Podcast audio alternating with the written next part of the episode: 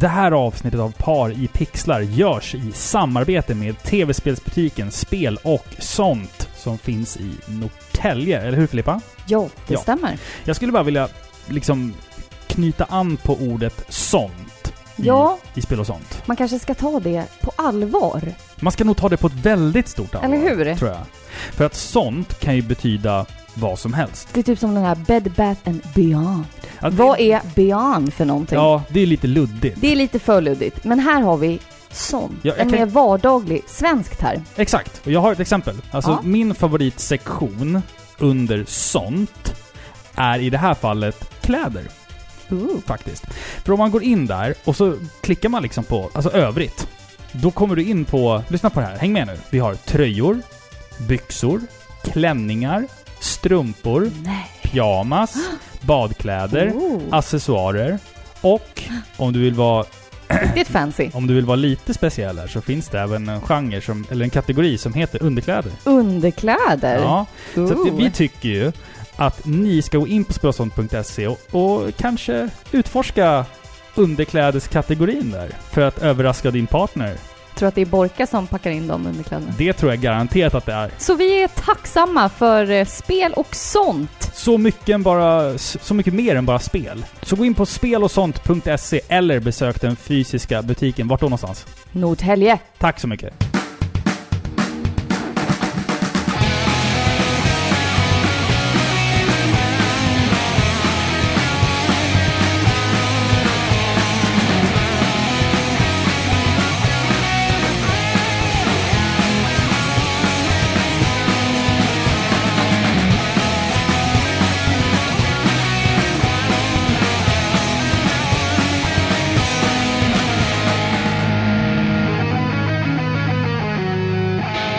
Hejsan och hjärtligt välkomna ska ni vara till avsnitt eh, 120? Tror jag. Ja. Av, av Sveriges mest kärleksfulla tv-spels-podcast Par i pixlar med mig, Robin. Och mitt emot mig sitter som vanligt min fru Filippa. Hej! Hej. Hur mår du? Jag har en pinne i röven. Förlåt? Ja. Nej men jag har fruktansvärd träningsvärk. Det, det känns som att jag har någonting. Ja. Jag kan inte gå rakt. Nej. Jag, jag ser fruktansvärt löjlig ut. För, för att förtydliga för våra lyssnare, så du har ju börjat liksom gå till gymmet. Ja. så att inte liksom folk får några så här skeva bilder Alltså, av det här. Jag vet inte vad jag tänkte. Alltså Nej. det... Jag har utstått tortyr. Är, är det att likna med tortyr? Ja men du, det senaste passet var det. Body pump. Du hör ju bara på namnet att det är en rena rama slakthistorien. Alltså, jag är ingen gymkille. Nej, och jag är Ehm. ingen gymtjej, så du kan ju bara Varför, he, föreställ dig var- mig. varför heter saker sådana där fåniga grejer för? Ja, så varför, crunch varför inte bara så här hel, helkroppsträning? burpees. Helkroppsträning kunde det heta. Nej, det ska heta body pump. Ja, det är klart, för allt på engelska låter bra. Du vet min eh, tränare, Ja. hon så står och, hon, hon eh, älskar så 80-talsmusik, så hon, hon eh, brukar alltid träna, hon, hon liksom sätter på en platta med Guns N' Roses. Mm. Du vet, så står hon och sjunger med i musiken och bara Kom igen nu! Kämpa! Hetsiga gymmänniskor. Ja, men alltså. du, det funkar. Det funkar. Men fi, finns det någon musik som är bättre lämpad att träna till Ja. än så här 80-talsmusik? Jaha. Alltså det är ju det bästa. Ja men det är klart, musiken påverkar en ju och liksom så har man någonting som är en bra tempo, Mm. då gör man i den takten. Ja, ja visst. Alltså jag Absolut. kan ju inte göra till vad som helst liksom. ja, men Det- det, ska vara liksom... Svensk folkmusik, bara Nej. stå där och pressa, det hade ju inte funkat. Alltså jag brukar, när jag typ så här, kör mina små träningspass här hemma, när jag känner att mina armar börjar, bli, börjar likna tandpetare, då drar jag på soundtracket till filmen Best of the Best 2, karatefilmen. Ja, men det är Eh. lite sån musik som krävs tror jag. Ja. För att man ska känna sig så här pumpad. Eller så här typ Danger Zone ifrån Top Gun. Ja, där- eller så här där- push it to the limit. Ja, men från Scarface. Ja, men Ja. nå- någonting sånt liksom. Ja. Men jag tycker i alla fall det här med så här gymgrejer, att det är så... Det, det är en sån märklig kultur, just det där att saker ska heta på, på engelska, så här body pump och som du sa crunch och... Och burpees. Bur, vad är en burpee Ja, för men någonting? du, jag, det finns så många tränare som lyssnar på det här. Jag vet att det är lyssnare som är... Man ska ha en sån där kettlebell och sen ska man göra burpees och sen ska man göra 50 squats. Ja. Vad Du, fan? brinner det i röven på dig. ska jag Ja, men säga. vad fan. Fy! Vad är det med de där... Fy! Men vad är det med de där töntiga Men vet du vad jag har namnen? märkt? Nej. När jag kom dit så var det typ "D- Välkommen till Sveriges mest gymvänliga podcast.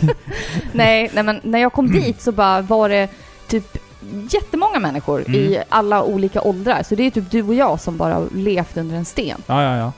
Jag, jag, jag, jag Ja, tror det. det är det så det känns alltså. som att hela Sverige gymmar förutom du, Du och och jag. jag. Ja. Fast bara förutom du. ja, nu är det bara jag nu är kvar. det ju bara jag. Som, nu är det bara gymmar. jag kvar som inte gymmar i hela Precis. Sverige. Ja, Ja. men jag är ju... Men jag är väl i ganska bra form ändå? Alltså, eller? Ja. Eller? Ja. Hyfs... Nej, okej. Vi, vi går vidare. Du är fin på andra sätt. Ja, jag har andra, kval- jag har andra kvaliteter. Thank Eh, jag, jag, jag känner så här en liten illamående känsla i magen för vi satt och kollade på en jävla program på TV nu innan vi Dr. stopp- Pimple Popper. Vad fan är det för skit du hittar Ja, på TV? Det är ju typ världens bästa. Hur kan man inte...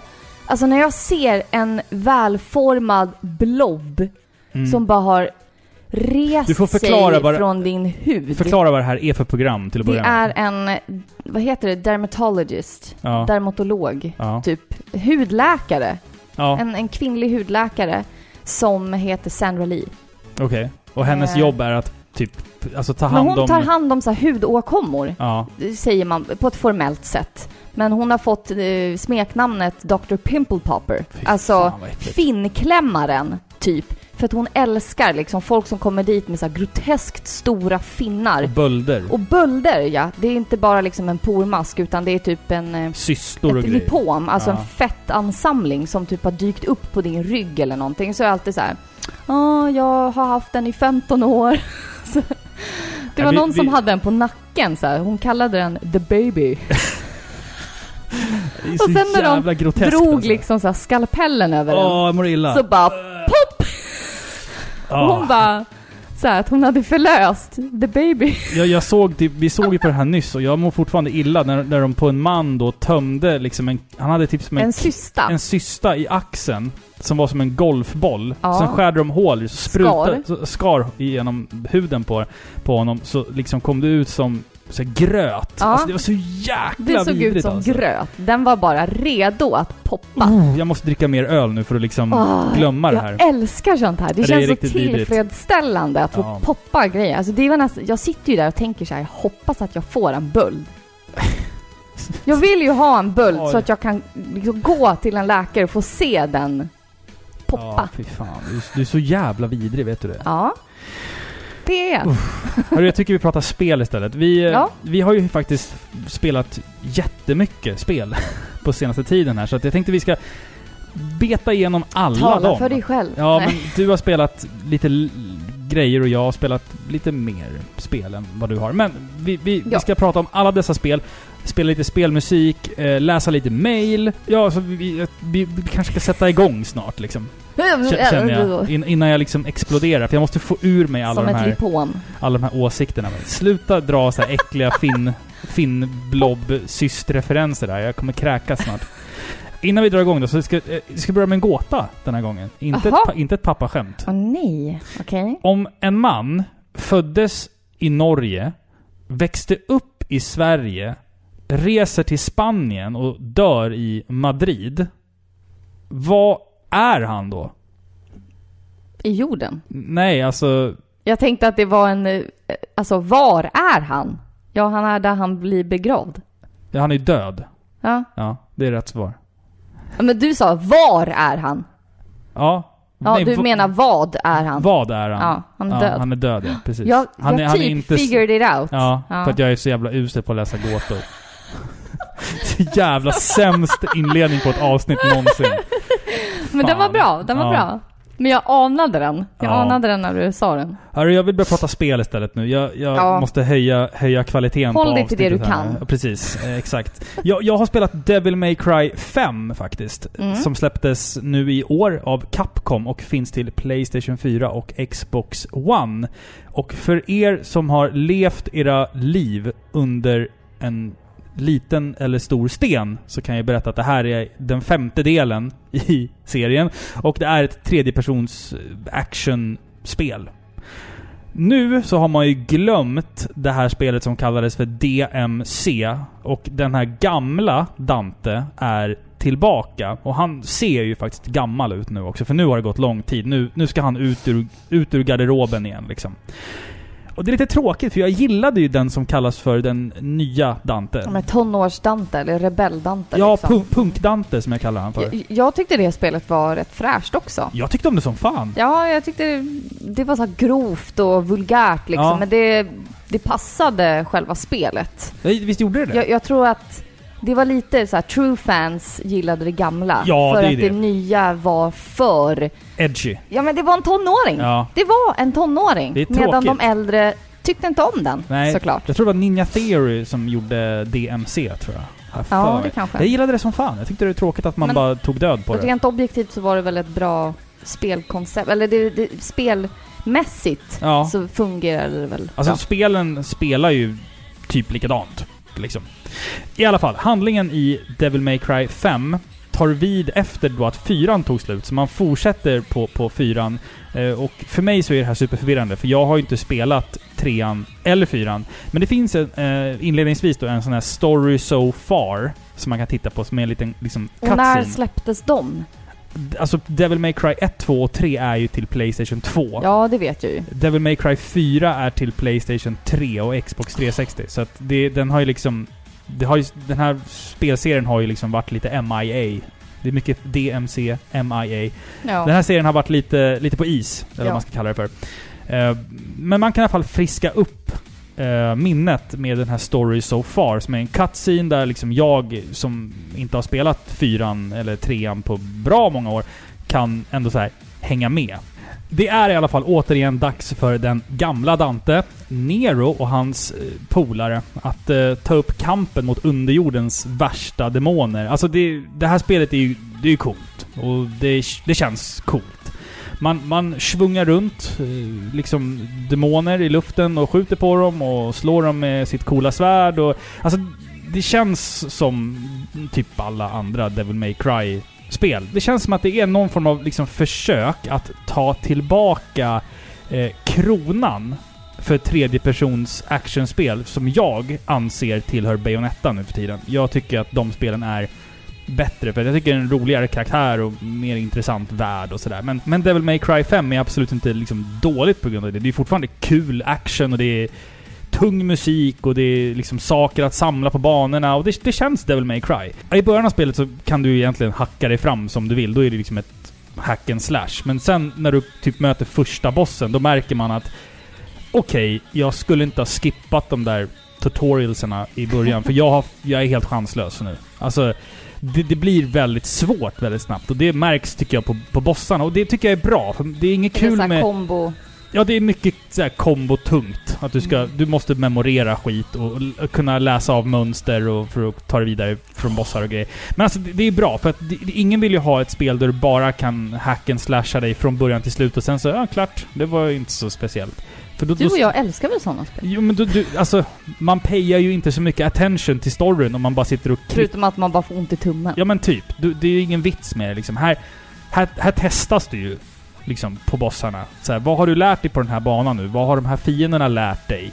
Ja, har du bara suttit och spammat på en knapp så har du inte lärt dig ett piss. Liksom. Men är det liksom en attack, det är så här eh, kryss, kryss, kryss, cirkel. Ja men typ. Kryss, kryss, cirkel, triangel, cirkel. Håll in L1, tryck på triangel två gånger och sen fyrkant. Nej. Alltså det är typ sådana liksom triggers. Åh, fy. Men det, det är ändå så det är inte, det är inte översvårt. Utan man, man, man lär sig dem och bara hänger med liksom. Ja, okej. Mycket, eller egentligen allt, handlar ju om, om uh, timing och det, det här blir ju extremt utmanande efter ett tag. Svårigheten är ändå lite en charm, måste jag säga. Jag, jag har egentligen, det vet ju du också, jag har egentligen svårt för liksom så här kaninöron, svåra spel.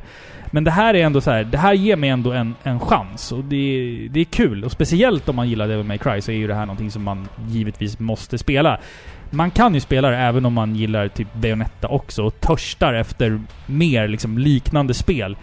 Jag tycker ju inte att det här är bättre än exempelvis Bayonetta 2. Som är mitt favorit tredjepersons actionspel. Of all time skulle jag nästan säga. Ehm, men det är ett bra spel. Alltså generellt. Det, det, det är liksom... Ja, men det, jag vet inte vad jag ska säga. Det, det, det, det är Devil May Cry igen. Liksom. De har inte förnyat konceptet. Inte märkvärdigt skulle jag Nej. påstå. Men det är inte, alltså fansen vill ju ha ett Devil May Cry. De vill Ja. inte ha någonting annat än ett Devil May Cry. Var storyn intressant då? Alltså det enda jag kunde tänka på var att karaktären V ser precis ut som Kylo Ren i Star Wars. Det var Jaha. det enda jag kunde tänka på under hela Så jävla allt han storyline. sa blev bara Kylo Ren, Kylo Ren, Kylo Ren, Kylo Ja, men- Ren, Kylo Ren. Ja men typ. Alltså, ja, men, alltså det är typ det som jag tyckte så här. Alltså storyn är ju, det är Devil May Cry, det är, inte, det är mycket klyschor, det är inte så mycket djupa liksom, Nej. eh, teman. Utan det är demoner man ska slåss mot och de exploderar och det sprutar blod och, och sörja och slem. Oh. Liksom. Det, du sitter och gäspar. Okej. Ja, Det är Devil May Cry i alla fall. Så att, Ja. alltså, gillar man den typen av spel så kör. Liksom. jag gäspar för att jag har jobbat hela dagen. Ja. Det är därför. Ja, jag vet det. Jag vet det. Men eh, ja, alltså det, det verkar ju vara eh, precis som de andra spelen. Det är ett Men spel för precis fansen. som du säger, gillar man den genren så är väl det perfekt. Ja, det, det är ett spel för fansen bara känner jag nästan. Ja. Faktiskt. Ska vi gå vidare med att spela lite musik? Vi är ju trots allt 20 minuter in i det här avsnittet så att det är ju Ja, dags. då tänkte faktiskt jag ta rodret. Och då tänker jag så här att eftersom Classic World of Warcraft släpptes i dagarna, eller nu är det faktiskt några veckor sedan, typ två Så jävla sedan. ointressant. Så tänkte jag sätta griller i huvudet på er avdankade gamla WoW-spelare som i hemlighet längtar tillbaka. Så njut, för här kommer World of Warcraft Main Theme.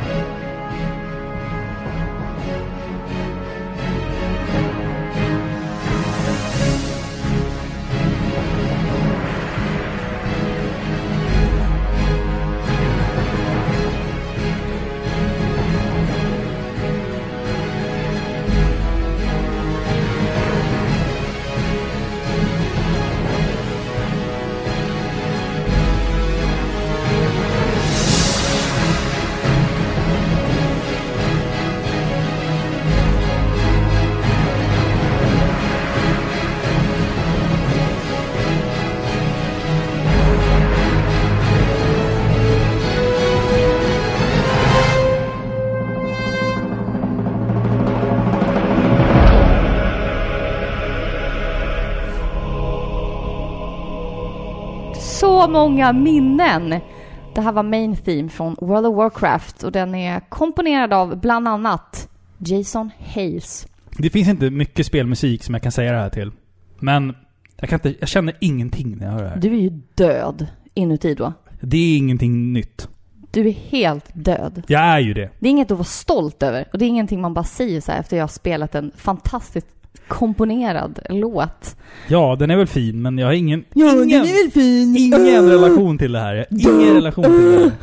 Jag känner ingenting. Nej, för du har inte hört den. Kanske känner- för att vi sitter och spelar in innan du har hört den. Ja.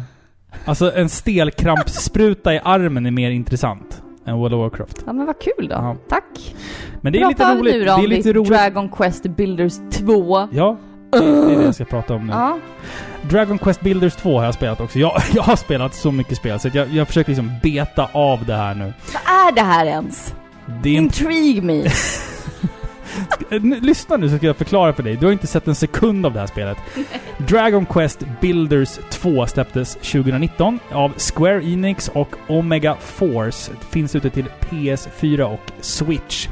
Det här är ett sandlådespel som flörtar tungt med Minecrafts design, fast som vågar hitta egna saker. Och så är det Dragon Quest. Lyssna nu.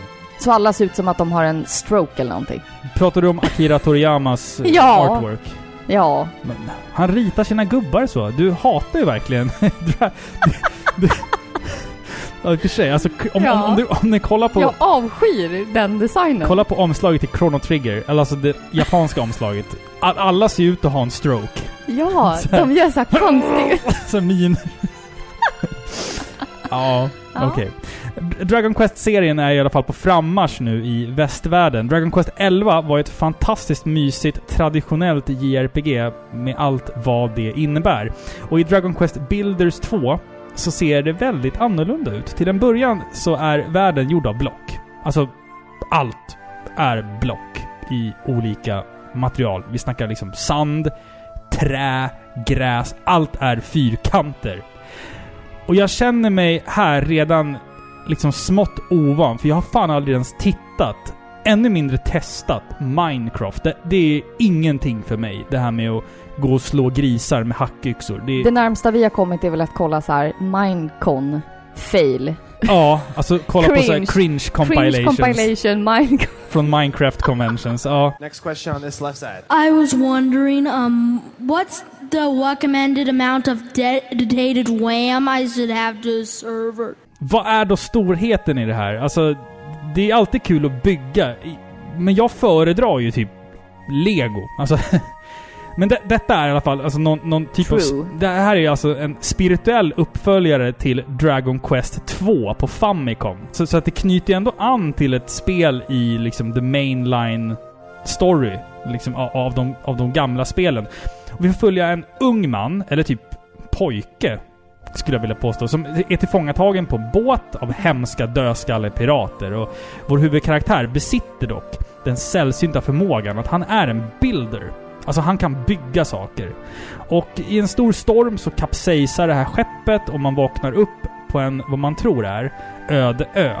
Vi träffar dock snabbt både gamla och nya människor eh, och ger oss ut på ett äventyr. Och vi inser att den här ön är ju i stort behov av hjälp. Speciellt från oss som är en så kallad builder. Och alltså, jag trodde inte detta. Men det, det är fan kul att bygga saker i det här spelet. Alltså, det är ju... Är det det? Det är kul att Det bygga kul. saker. Ja, alltså det är så extremt märkligt tillfredsställande att bygga saker i det här Kanske spelet. måste testa det. Men man, man måste gå in också med vetskapen om att det är ett långsamt spel. Och det behöver vara långsamt tycker jag. För här, här ska man fan i mig inte stressa. Man ska ta sin tid, utforska världen och allt som finns i den. Och ibland så måste man slåss också. Och det, det sker liksom i realtid. Man, man trycker på en knapp för att slå. Det är inte något turn-based, utan man, man trycker för, att- för att slåss. Man hackar och slår. Det är liksom inga... Det är Minecraft. Det, ja, Ja. typ. Alltså, men spelets Alltså fokus... jag, jag kanske måste testa det här ändå. Jag tycker det, jag tycker det. För spelets fokus handlar ju ändå om att liksom bygga. Det är det som är grejen. Man, man ska leta efter ritningar, så måste du ha rätt material och sen så måste du liksom bygga rätt. Och det, det är svinkul. Men det är story också. Det är story också. Det är typ som att själva spelmomentet är ju att bygga, men sen fortlöper storyn vid sidan om. Absolut, absolut. Du tar det ju, liten vi, du tar det ju vidare i spelet genom att bygga. Liksom. Eh, och det, det är en sandlåda där du egentligen kan leka med, med allt. Och det här lekandet tycker jag är liksom viktigt för att den ger dig känslan av att du åstadkommer någonting. Alltså du leker inte bara för lekandets skull utan allt... Vad menar du leka? Menar du bygga? Byggandet med och leka och ha liksom fantasi. Alltså att ha fantasi i det här spelet gör att du liksom åstadkommer saker. Och du får, det, det är en tillfredsställande känsla. Och, och allt ditt lekande liksom driver ju även storyn framåt. Så att det är ju typ inte lekande utan... Det är Alltså, ju det, men får, ändå Jag får inte. panik bara av att höra det här. Jag, jag, jag kan bara föreställa mig själv Mm. sitta där och bygga eller leka som du säger. Ja. Jag, jag skulle ha som prestationsångest och liksom sitta och stirra på ett block och liksom noga överväga vart jag skulle lägga dem istället för att bara göra det. Men det är jag ju är din- inte... Det är ju din OCD. Det är min OCD. Ja, exakt. Eller man ska inte slänga sig med liksom diagnoser på det sättet men... Det ska jag, man jag väl ibland inte, göra. Okej. Ja. Jag, är inte kreativ på det sättet och fantasifull på det sättet att jag bara kan göra utan jag vill så planera in i minsta drag. Så skulle jag spela den här en timme skulle jag behöva liksom Mm. gå i terapi i två veckor efter. Ja, kanske. Men jag hade det, inte det är så, klarat Men det är typ så här, du kommer till en liten stad och en liten kärring som går runt där och jag har inget hus. Och så bygger du ett hus åt henne och så blir hon skitglad och man bara... Ja, det var ju kul att bygga det. Alltså också. Ja men alltså, där, där hade jag bara "Åh nej, Ska hon ha en övervåning eller inte? Sitta där och hyperventilera, hyperventilera med en påse. Det, det är så jag är. Ja, jo visst. eller visst. jag kanske måste prova. Jag, jag, alltså, jag tycker verkligen Testa det. mina gränser. Det här kanske blir terapi för mig. För det här är ju ett liksom väldigt ambitiöst och väldigt stort spel. Och ju mer du bygger, desto mer typ växer det på dig. Eh, det är urgulligt och, och charmigt och riktigt roligt. Och jag säger det här nu, men det här är ett hidden gem.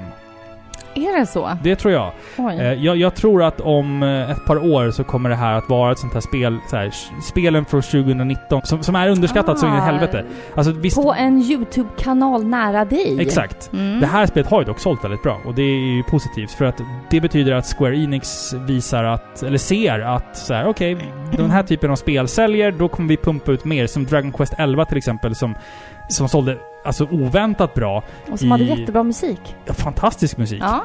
Eh, och var, var ett jävligt bra spel också. Så att det här är liksom... Vi, vi kan nog vänta oss att vi får ta del av mer JRPG och den här typen av spel eh, i Europa framöver. Och det ser jag verkligen fram emot, för det har varit torrt på JRPG och eh, generellt sett japanska... Superjapanska spel senaste generationerna. Det är för att vi har jag. gått vidare. Det är ju så. I, I västvärlden vill man bara ha action, känns det som.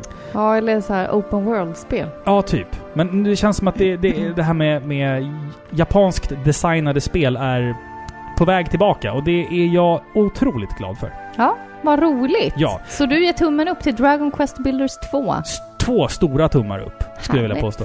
Jag, jag måste lätta på trycket här nu. Jag har, jag har faktiskt ett pappaskämt. Är Tyckte du att det är- blev stelt nu eller? Nej, men jag vill liksom... Nu, nu... Det är liksom som en segway in till nästa spel. Ja, okej. Men om vi säger så här. Vilken dryck... Nu sitter vi här och dricker öl. Men vilken dryck är den starkaste drycken av alla? Hmm. Det är en ordgåta såklart. Jag säger inte. Nej. Vill, vill du att jag säger svaret? Ja. Vatten. För den kan bära stora båtar och sånt. Så jävla tråkigt alltså. Ja, Han var Okej. rätt dålig. alright. Nu ska du få prata om ett spel Filippa. Jag har pratat så jag har munhäfta. Ja, vad fan- vad precis. heter det så? Munhäfta? Vad är det? Tunghäfta. Tunghäfta? Vad, vad Det- är det ens? Tunghäfta, det är när du inte kan prata. Jaha. När du blir ställd, typ, eh, inte ställd att någon placerar dig någonstans, utan Förvånad. du grips av typ panik. Okej. Alltså att om du går ut på scen och ska uppträda eller någonting, Mm. du ska ha ett tal, så kan du drabbas av tunghäfta, som om någon har häftat fast tungan på dig. I vilket sammanhang på en scen skulle du få tunghäfta, tror du? Jag fick tunghäfta, eller inte riktigt tunghäfta, men jag var riktigt nervös på Retrospelsfestivalen. Ja, just det. När vi hade det Zelda-föredraget. Ja, Då var jag riktigt nervös så att jag liksom skakade. det var kul men det var Ja, men- psykiskt väldigt jobbigt. Ja, det var väldigt jobbigt. I typ en minut, men sen kom man ju in i det. Jo, det är ju så. Är så. Men jag har varit på scen många gånger i mitt liv, så jag Ja. får inte... Jag har aldrig fått tunghäfta. Nej. Jag har haft tunghäfta eh, en gång i mitt liv. Fast ändå inte. Alltså jag, jag kom ur det så, på ett ganska bra sätt. Vi hade så här eh, konsert i gymnasiet. Förlåt, skulle inte jag prata om mitt spel? Ja, förlåt. Jag, jag, men jag ska bara säga, jag, jag skulle spela och sjunga en låt, en sån här parodilåt, eh, på en skolavslutning i gymnasiet. Eh, och hade på mig en, en eh, skinnjacka med, eller jag var 80-talsklädd. Jag hade så här tajta läderbyxor, en, en skinnjacka med så här fluff på, runt nacken och tuperat hår. Eh, och skulle spela gitarr och sjunga en låt i en föreställning. Det var nog det vidrigaste jag gjort i hela mitt liv alltså. Fick du tunghäfta då? Jag trodde jag skulle dö. Sekunderna innan jag Men skulle... det är inte tunghäfta. Nej, men alltså... Men jag, jag, jag kunde liksom Du inte vet, få ur jag kan orden. drömma om sånt. Jag Ja. kan liksom drömma om att jag ska uppträda. Mm. Men jag kan inte noterna och sen liksom försöker jag memorera saker Ja. sekunderna innan. Men du som är klassiskt skolad violinist borde väl ändå... Alltså... Men man kan ju inte, fast där kan man inte, ja, där kan man inte improvisera fram någonting. Nej, fast det brukade jag göra. På konserter när vi hade haft så här, den nionde konserten med Ja. samma upplägg, då blev jag så uttråkad så jag spelade Jävla dåre. Som andra, vi, andra stols violinist också. eh, Första, Första violinist, stol. hallå, Förlåt, förlåt. konsertmästare. Okej, förlåt Mhm. Filippa. Konsertmästare Filippa. Nu ska du prata om Hollow Knight. Konsertmästaren. Ja, Okej. Hollow Knight hörni, det har jag spelat. Hollow Knight är ett 2D sidoskrollande äventyrsspel Metroidvania. i sann Metroidvania-anda. Mm. Mhm. För er som inte vet vad Metroidvania är så är det en eh, genre inom spel. Eh, oftast är det 2D-spel. Det är spel som har stora områden, eh, många låsta dörrar som du träffar på, som kräver att du liksom går tillbaka för att hitta en annan väg. Det är ofta mycket pussellösning på det sättet. Eh, oftast väldigt genomtänkta labyrintspel, skulle man kunna säga. För referens, lyssna på förra avsnittet av Parapixlar när jag pratade om Super Metroid. Exakt. Ja. Hollow Knight är därför på många sätt en hyllning till klassiska spel, precis som Metroid då, eller Symphony of the Night. Två spel som då har namngivit den här eh, subgenren. Det här spelet är utvecklat av en australiensisk spelstudio som heter Team Cherry. Eh, det som är roligt är att de lyckades få igenom det här spelet via Kickstarter. Mm, Alltså det. den här sidan där du kan få bidrag av människor som ja, men tycker att din idé verkar intressant. Så det är tekniskt sett fansen som har betalat det här spelet. Ja, som Shenmue 3 till exempel. Det är så roligt. Mm. Och det här släpptes 2017 och det är ett spel som är väldigt, väldigt hyllat. Det har fått väldigt bra kritik. Man spelar som en eh, anonym och mystisk liten varelse. Eh, du har hamnat i ett insektsrike som kallas Hallownest. Och du får faktiskt inte veta så mycket om det här stället, men att det är ett förfallet, övergivet och mörkt grått system. Och det är fullt av hemliga skatter och mystiska väsen kan man säga. Mm. Och du tar dig ner här då i syfte att ta reda på de här hemligheterna. Och vad är det egentligen som har hänt här nere? Den här en gång livliga och blomstrande riket som numera då är helt dött. Och du stöter på många av invånarna och du märker ganska snabbt att det står inte rätt till i huvudet på de här. De har drabbats av någon infektion som har spritt sig över hela Hallownest. Så de är aggressiva och vill döda dig. Och i sann Metroidvania-anda så vet du inte riktigt vart du ska gå. Du får prova dig fram, eh, låsa upp olika delar av den här enormt stora kartan. Eh, du får besegra massor av mäktiga fiender som men som alla tycks liksom ruva på hemligheter kring det här kusliga stället. Och jag har haft väldigt roligt med det här spelet och jag är faktiskt inte klar för det här spelet är, bör man notera, väldigt svårt. No shit. Extremt svårt. No shit. Jag är väldigt dålig på sådana här spel. Jag kämpar verkligen mitt allra bästa med kontrollerna. Men jag älskar känslan, jag älskar stämningen i det här spelet. Det är kusligt, det är ensamt. Protagonisten som du spelar som, han är så hemlig. Han, han kallas bara The Knight. Man kan liksom inte hjälpa att känna att ah, han kanske har någonting med Hallownests hemlighet att göra. Jag vet inte. Eh, men miljöerna, åh, miljöerna, de är så fruktansvärt bra gjorda. Ja, verkligen alltså. Och trots att de är tecknade så ger de dig verkligen den här känslan av obehag. Det är så mörkt och ensamt och Dystert. isolerande. Väldigt, väldigt dystert ja. Mm. Eh, men de är också väldigt varierade och spännande. Jag skulle vilja säga att i ett sånt här spel så kanske man, man, går, igenom, man går igenom alla de här olika eh, miljövalen. En lavavärld, en, ja men lite som Metroid som vi pratade om förra året. Förra året! Du, det hade kunnat vara det. Så Ja. länge sedan var det. Det var länge sedan. Ja. Eh, men det här spelet lyckas liksom eh, variera det på ett spännande och nytänkande sätt. Så att det känns nytt. Mm. Som att de har förnyat konceptet. Exakt. Och jag tycker även att bandesignen är väldigt bra. Det är inte enkel väg hit och dit utan det finns många, många hemligheter och väldigt många hemliga dörrar att utforska. Och jag skulle vilja föreslå att man antecknar om det är så att man har svårt att komma ihåg. Rita kartor, Jajamän. faktiskt. I det här spelet så ser du hela kartan. Det är tur det. Mm. Eh, och fienderna, det är väldigt bra fiender. Väldigt bra. Svårt alltså. Svåra fiender. Intressanta fiender. Eh, man, man, man ser ju direkt att alla bär ju på en, eh, på en likhet med varandra. Det är oavsett om det är en larv eller en stor boss, alltså alla är ju insekter.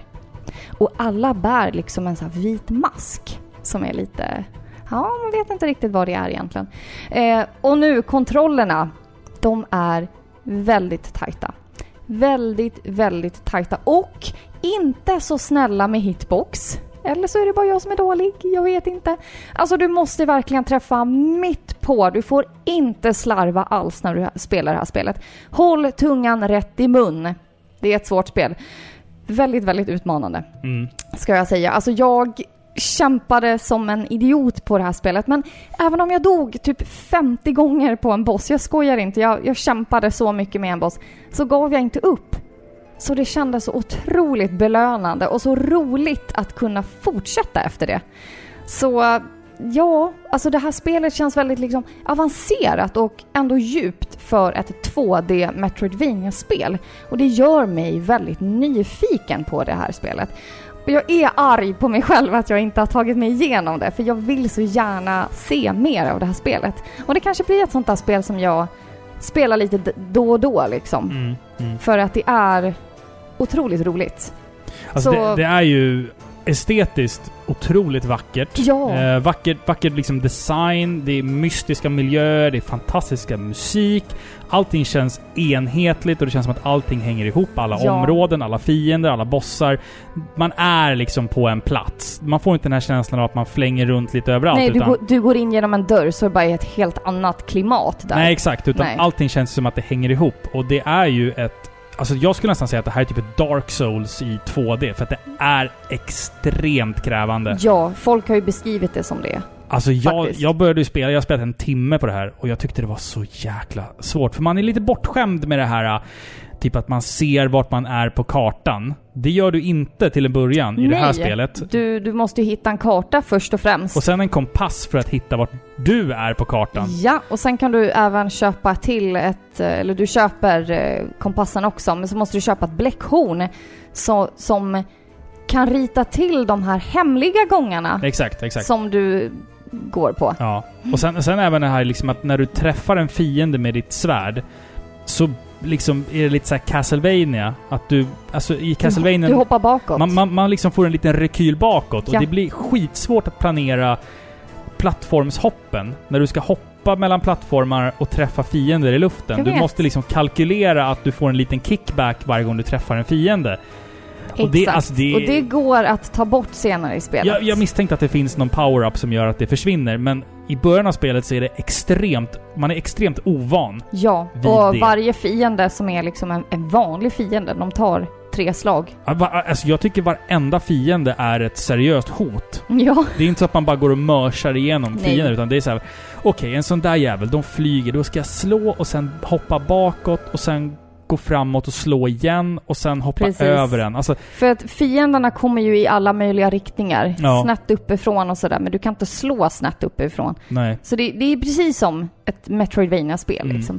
Nej men det här är otroligt bra. Jag tycker definitivt att ni ska prova det här spelet. Alltså, jag lovar, ni kommer ha kul med det här spelet och dras med i den här mörka, klaustrofobiska upplevelsen. Absolut. Det är en stor tumme upp från mig, Mm. fastän jag inte har klarat det här. Jag, jag fick ju typ... Jag blev alldeles vemodig när jag såg någon så här speedrun på Ja. det. Jag har inte sett hela. Jag har inte sett hela, utan bara typ en bit av spelet. Och Mm. det jag hade klarat på typ 10 timmar gjorde den här killen på, ja men jag vet inte, 20 minuter, inte Ja. ens det. Vansinnigt att se speedrunners. Vansinnigt! Ja, Man, man, man mår ju bara illa och vill aldrig mer spela tv-spel efter man har sett en speedrunner spela någonting.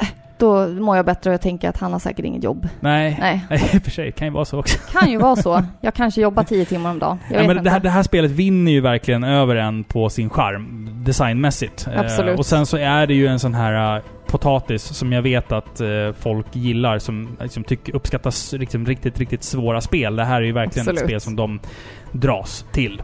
En svår grej som är ytterligare liksom en... Mm. Ett, ytterligare en grej. Ja. Ja. Det är att när du dör Mm. eh, så... Alltså din hälsomätare Mm. eh, består av olika sådana här masker som alla varelser bär. Ja. Typ fem stycken. Eller fyra stycken i början kanske. Och sen har du även en mätare med eh, ett så vitt innehåll som är typ eh, själarna av Mm. alla väsen du dödar. Eh, Fylls den upp då så kan du använda det till att typ, eh, vad heter det? Få tillbaka hälsa och Få grejer. tillbaka hälsan, du kan göra, lära dig att göra vissa attacker och sådär. Men när du dör, då är den trasig. Mm. Och du måste gå tillbaka till den platsen där du dog. Och besegra dig själv. möta dig själv. Ditt skugg-jag. Sånt sånt där gör att jag kan sluta spela ett spel. Ja. Vet du det? Alltså, jag, jag irriterar mig på som fan på sånt där. Varför Men gör man sådär Nej men för? det är inte så farligt. Varför Eh, gör man sådär för? Och du måste möta dig själv då och då kommer din eh, cirkel då, eh, själ, Din energi. behållare. Ja. att eh, restaureras. Sånt, där, sånt, Ja. där, alltså, sånt, där, sånt där kan få mig att inte vilja spela ett Ja spel. men säg då att du, du är fast på en boss. Så måste du gå in i bossrummet. Du ser din skugga där. Ja. Du vill inte gå för långt för då triggar du bossscenen liksom. Nej, för fan. Men jag tror att spelet ändå designat så- på så sätt att, att bossen kan inte starta förrän Alltså när det fortfarande är vanliga fiender kvar. Jag, jag vet inte. Alltså, Nej. jag har bara spelat en timme, så att jag... Nej. Det, är- som sagt, det är jävligt svårt. Men det är gulligt. Jag tycker det är fantastiskt. Kort och gott. Men apropå, vi, vi pratade tidigare Filippa om att jag... Att du, att du har börjat gymma och så. Jag kommer att tänka på en grej. Jag, jag tränar ju nästan varje dag. Jaha. Till exempel igår. Då tränade jag nästan. Och dagen innan det så tränade jag också nästan. Men jag orkade inte. Jag tränar nästan varje dag. Ja. Ja. Ja, det var bra. ja no. Den var bra. du, du förstod den va? Jag förstod Ja, den. bra. Vi ska läsa ett mail som vi har fått ifrån Björn Ringström. Ska vi läsa det?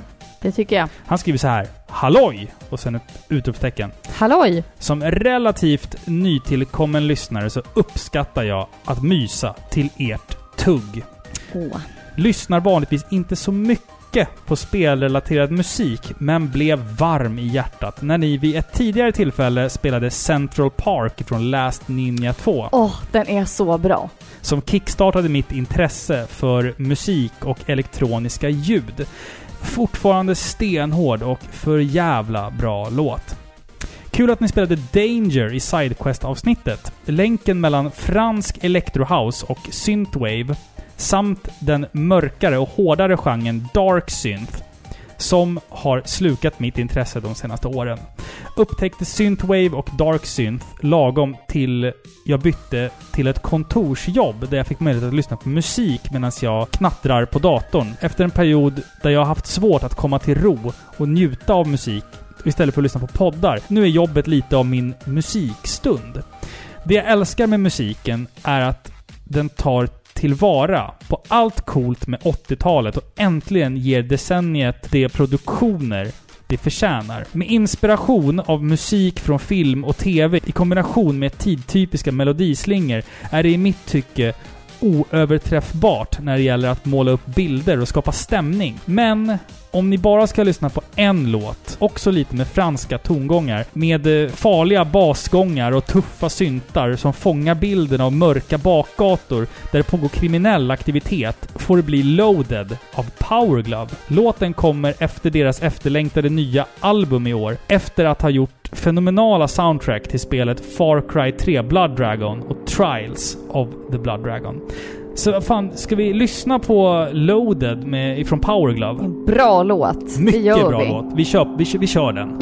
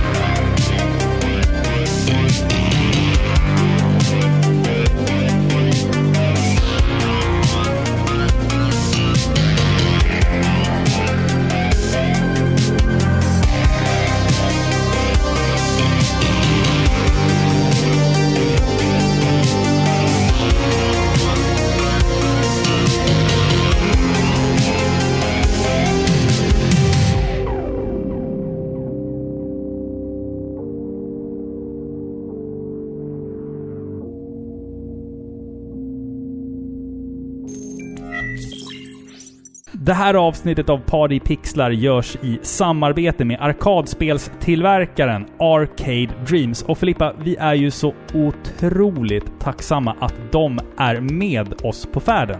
Ja, det är vi. Och vi sitter ju inte bara här och säger att de är bra, utan vi talar ju faktiskt av egen erfarenhet. I vår lilla 80 kvadratmeter stora trea, Är den inte större än 80 kvadrat? nej, Nej. den är inte det, så har ju vi tagit, eller uppoffrat ett hörn åt en sån här maskin. Ja, Och det gör vi gladeligen för att den här ger oss så mycket nytta och så mycket glädje i vårt liv. Det är inte bara du och jag som spelar, det är även vår son och vår dotter på två år som börjar krypa upp på den liksom och, och spela. ja man, det blir ju tyvärr så att man får stå lite i kö för att få spela den där eh, här hemma. Nu är det lite så här, varför har vi inte en till för? Typ. Jag vet inte. Vi Ja. nöjer oss med en än så länge. Vi nöjer oss med en, men vi, vi har ju en XL-kabinett stående i vårt vardagsrum och den har ju blivit en central knutpunkt för vår familj.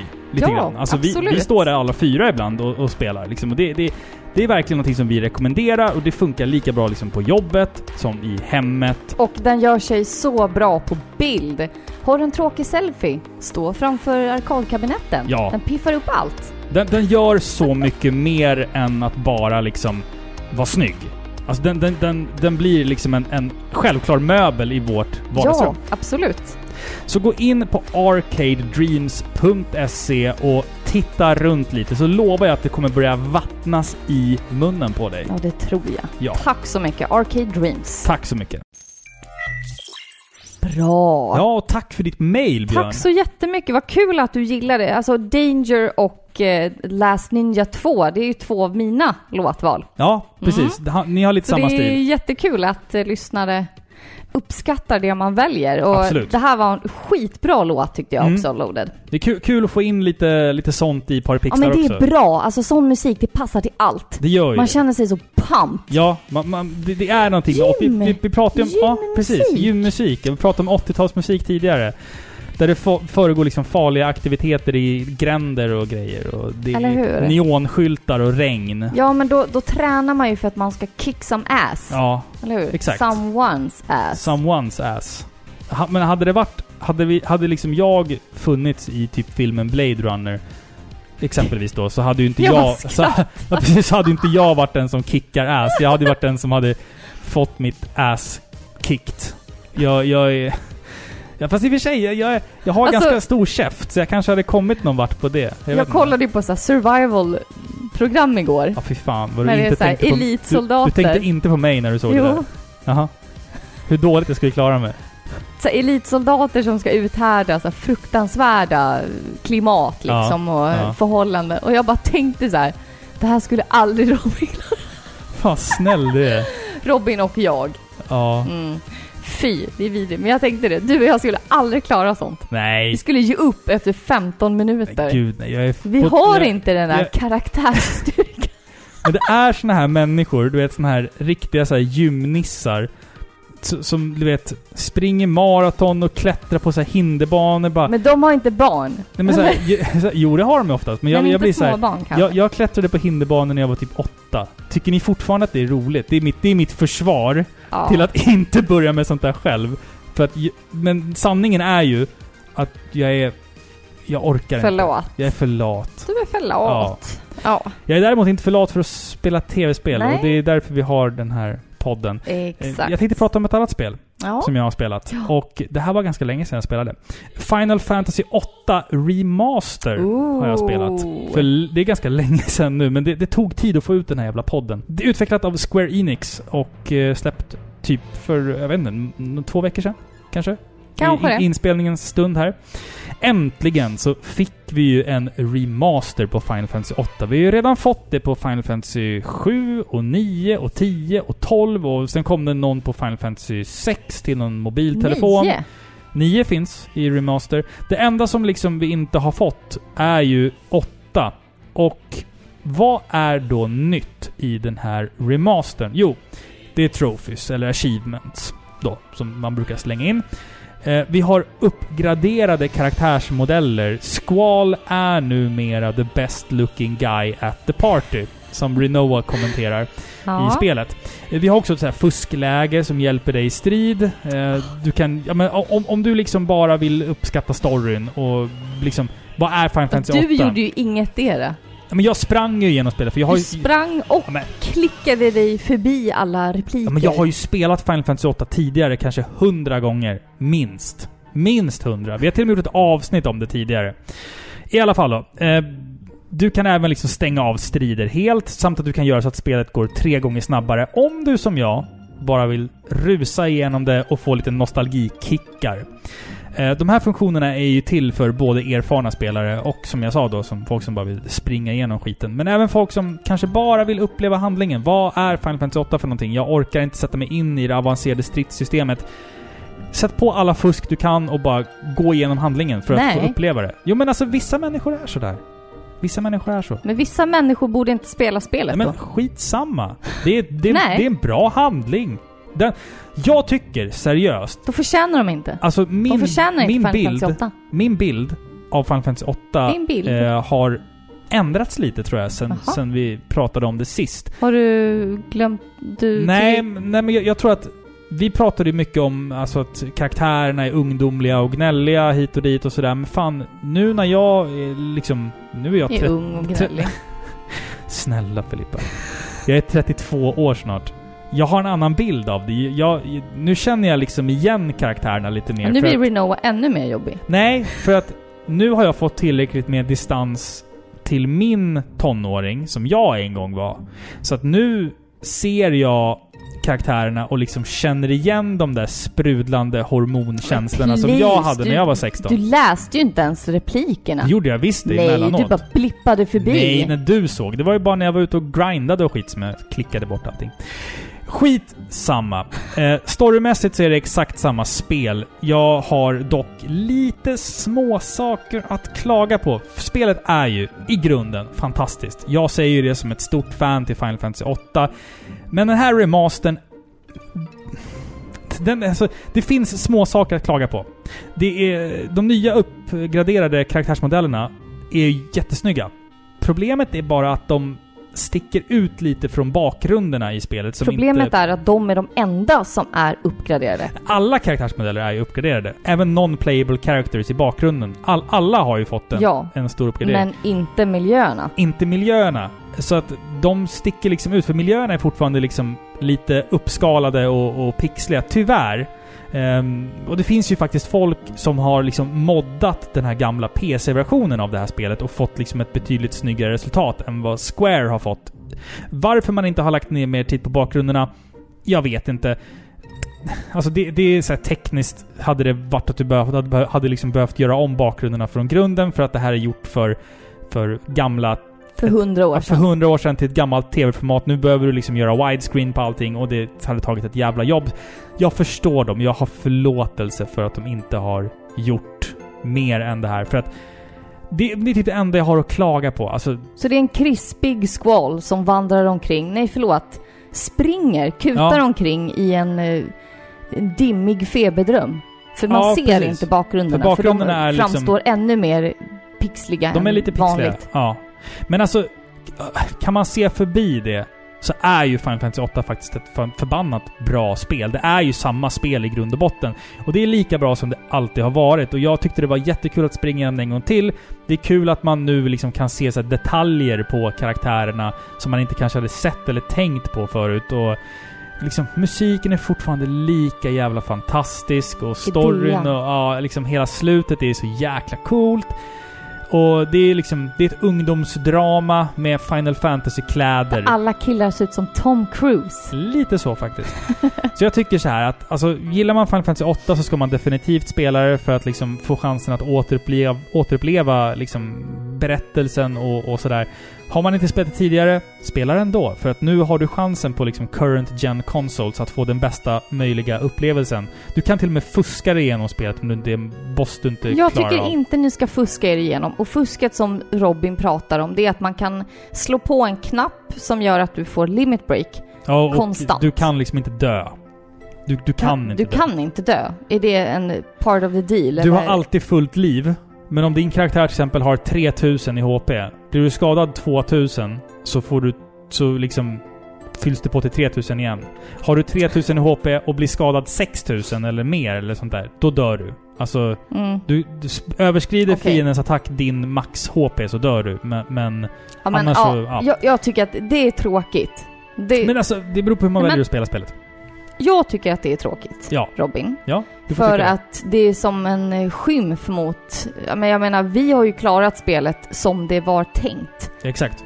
Och jag menar, är man så lat att man inte ens kan spela spelet och gör det på rätt sätt, Mm. då kan man lika gärna sätta sig på YouTube och se alla cutscenes. ja, För det är ju verkligen no difference. Nej.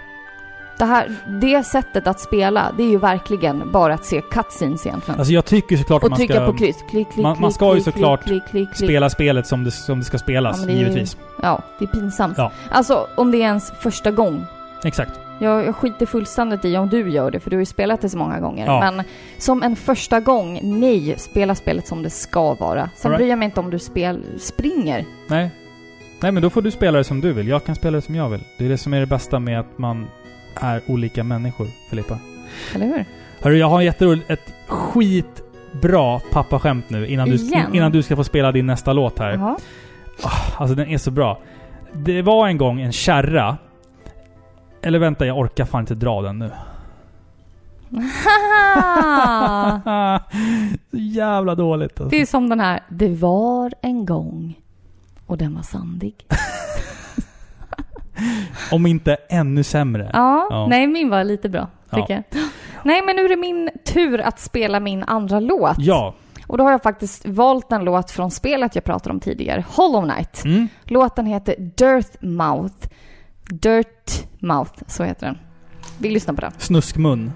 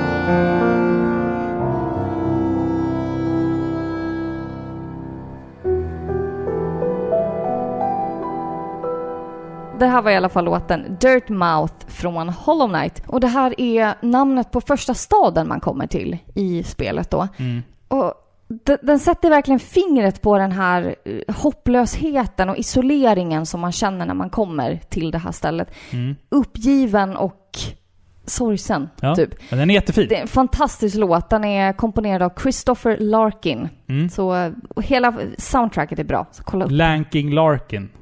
Nej, Nej, är, är du det? tänker Long Lankin. Long Lankin, ja, av, just det. eh, det är den här mytomspunna brittiska figuren. Alla britter skulle vara rädda för The Long Lankin som gick runt. Typ som deras Boogeyman. Ja, typ. Eller Candyman. Ja, Bra film, Candyman. ja, Eller?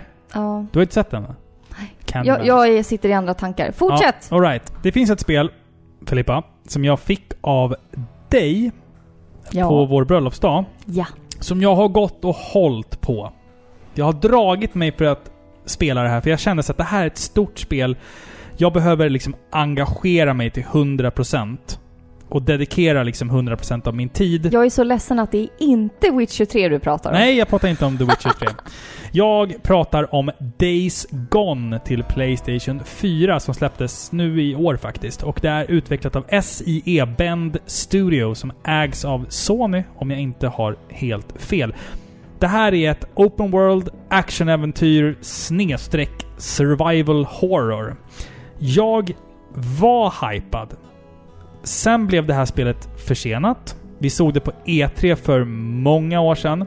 Och hela den här zombie-grejen hann ju dö ut i samma veva som tv-serien The Walking Dead blev skitdålig och The Last of Us 2 kändes liksom ljusår bort.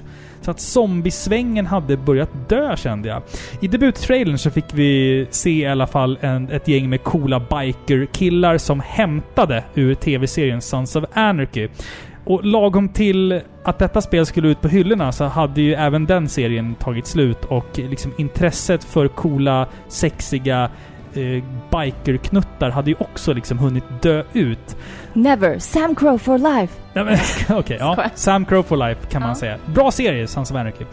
Detta spel hade ju inte mycket att rida på när det släpptes nu i april. Badumts. Ja.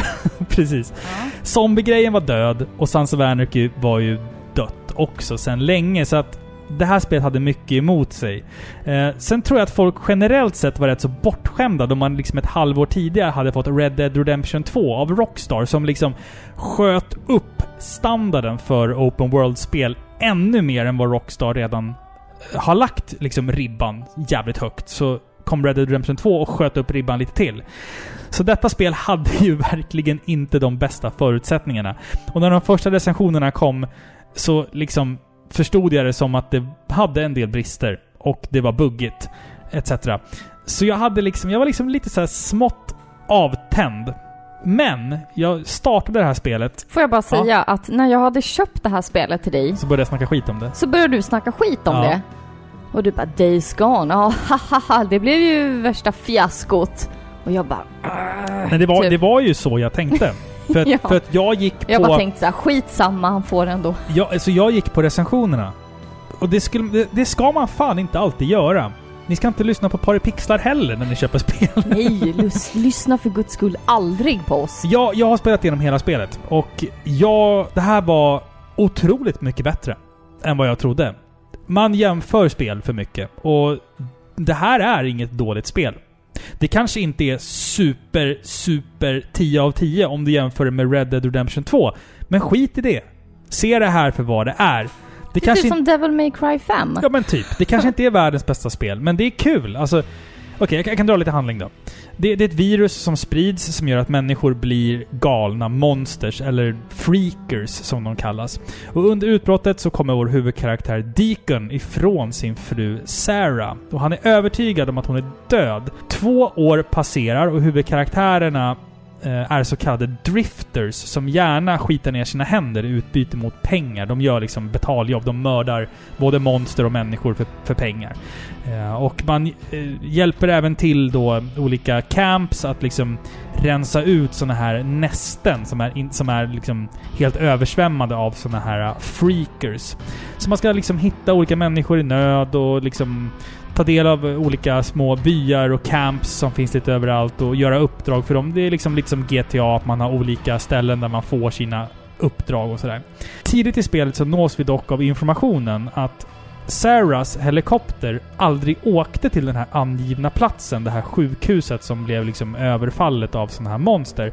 Så hoppet föds nu i våran karaktär att hans fru faktiskt kanske fortfarande lever någonstans. Och tillsammans med sin bästa vän Boozer så ska man försöka överleva de här hemska vardagarna i den här postapokalyptiska världen och till slut då kanske hitta Sarah. Vi vet ju inte om hon är vid liv eller inte. Oh, okay. Listen, O'Brien. If we don't get her to a hospital, she's going to die. There are no more hospitals. Oh, come on, no more hospitals. You got uh, doctors, you got triage, you got a mass unit. Oh, look, I'm just a grad student, okay? I, I got volunteered for this. I'm not even supposed to be out here. Brian. Okay. Shit. Uh, I've only got room for two of you, okay? Two. We got room for two. What are- overweight, okay? I can only take two of you, two. Come on, help me. Come on. All right, sweetheart. It's okay. You're gonna be all right. I got her. I'm gonna be right back. Okay, Boozer, let's go. We gotta get on that. We gotta get on that I ship. heard what he said.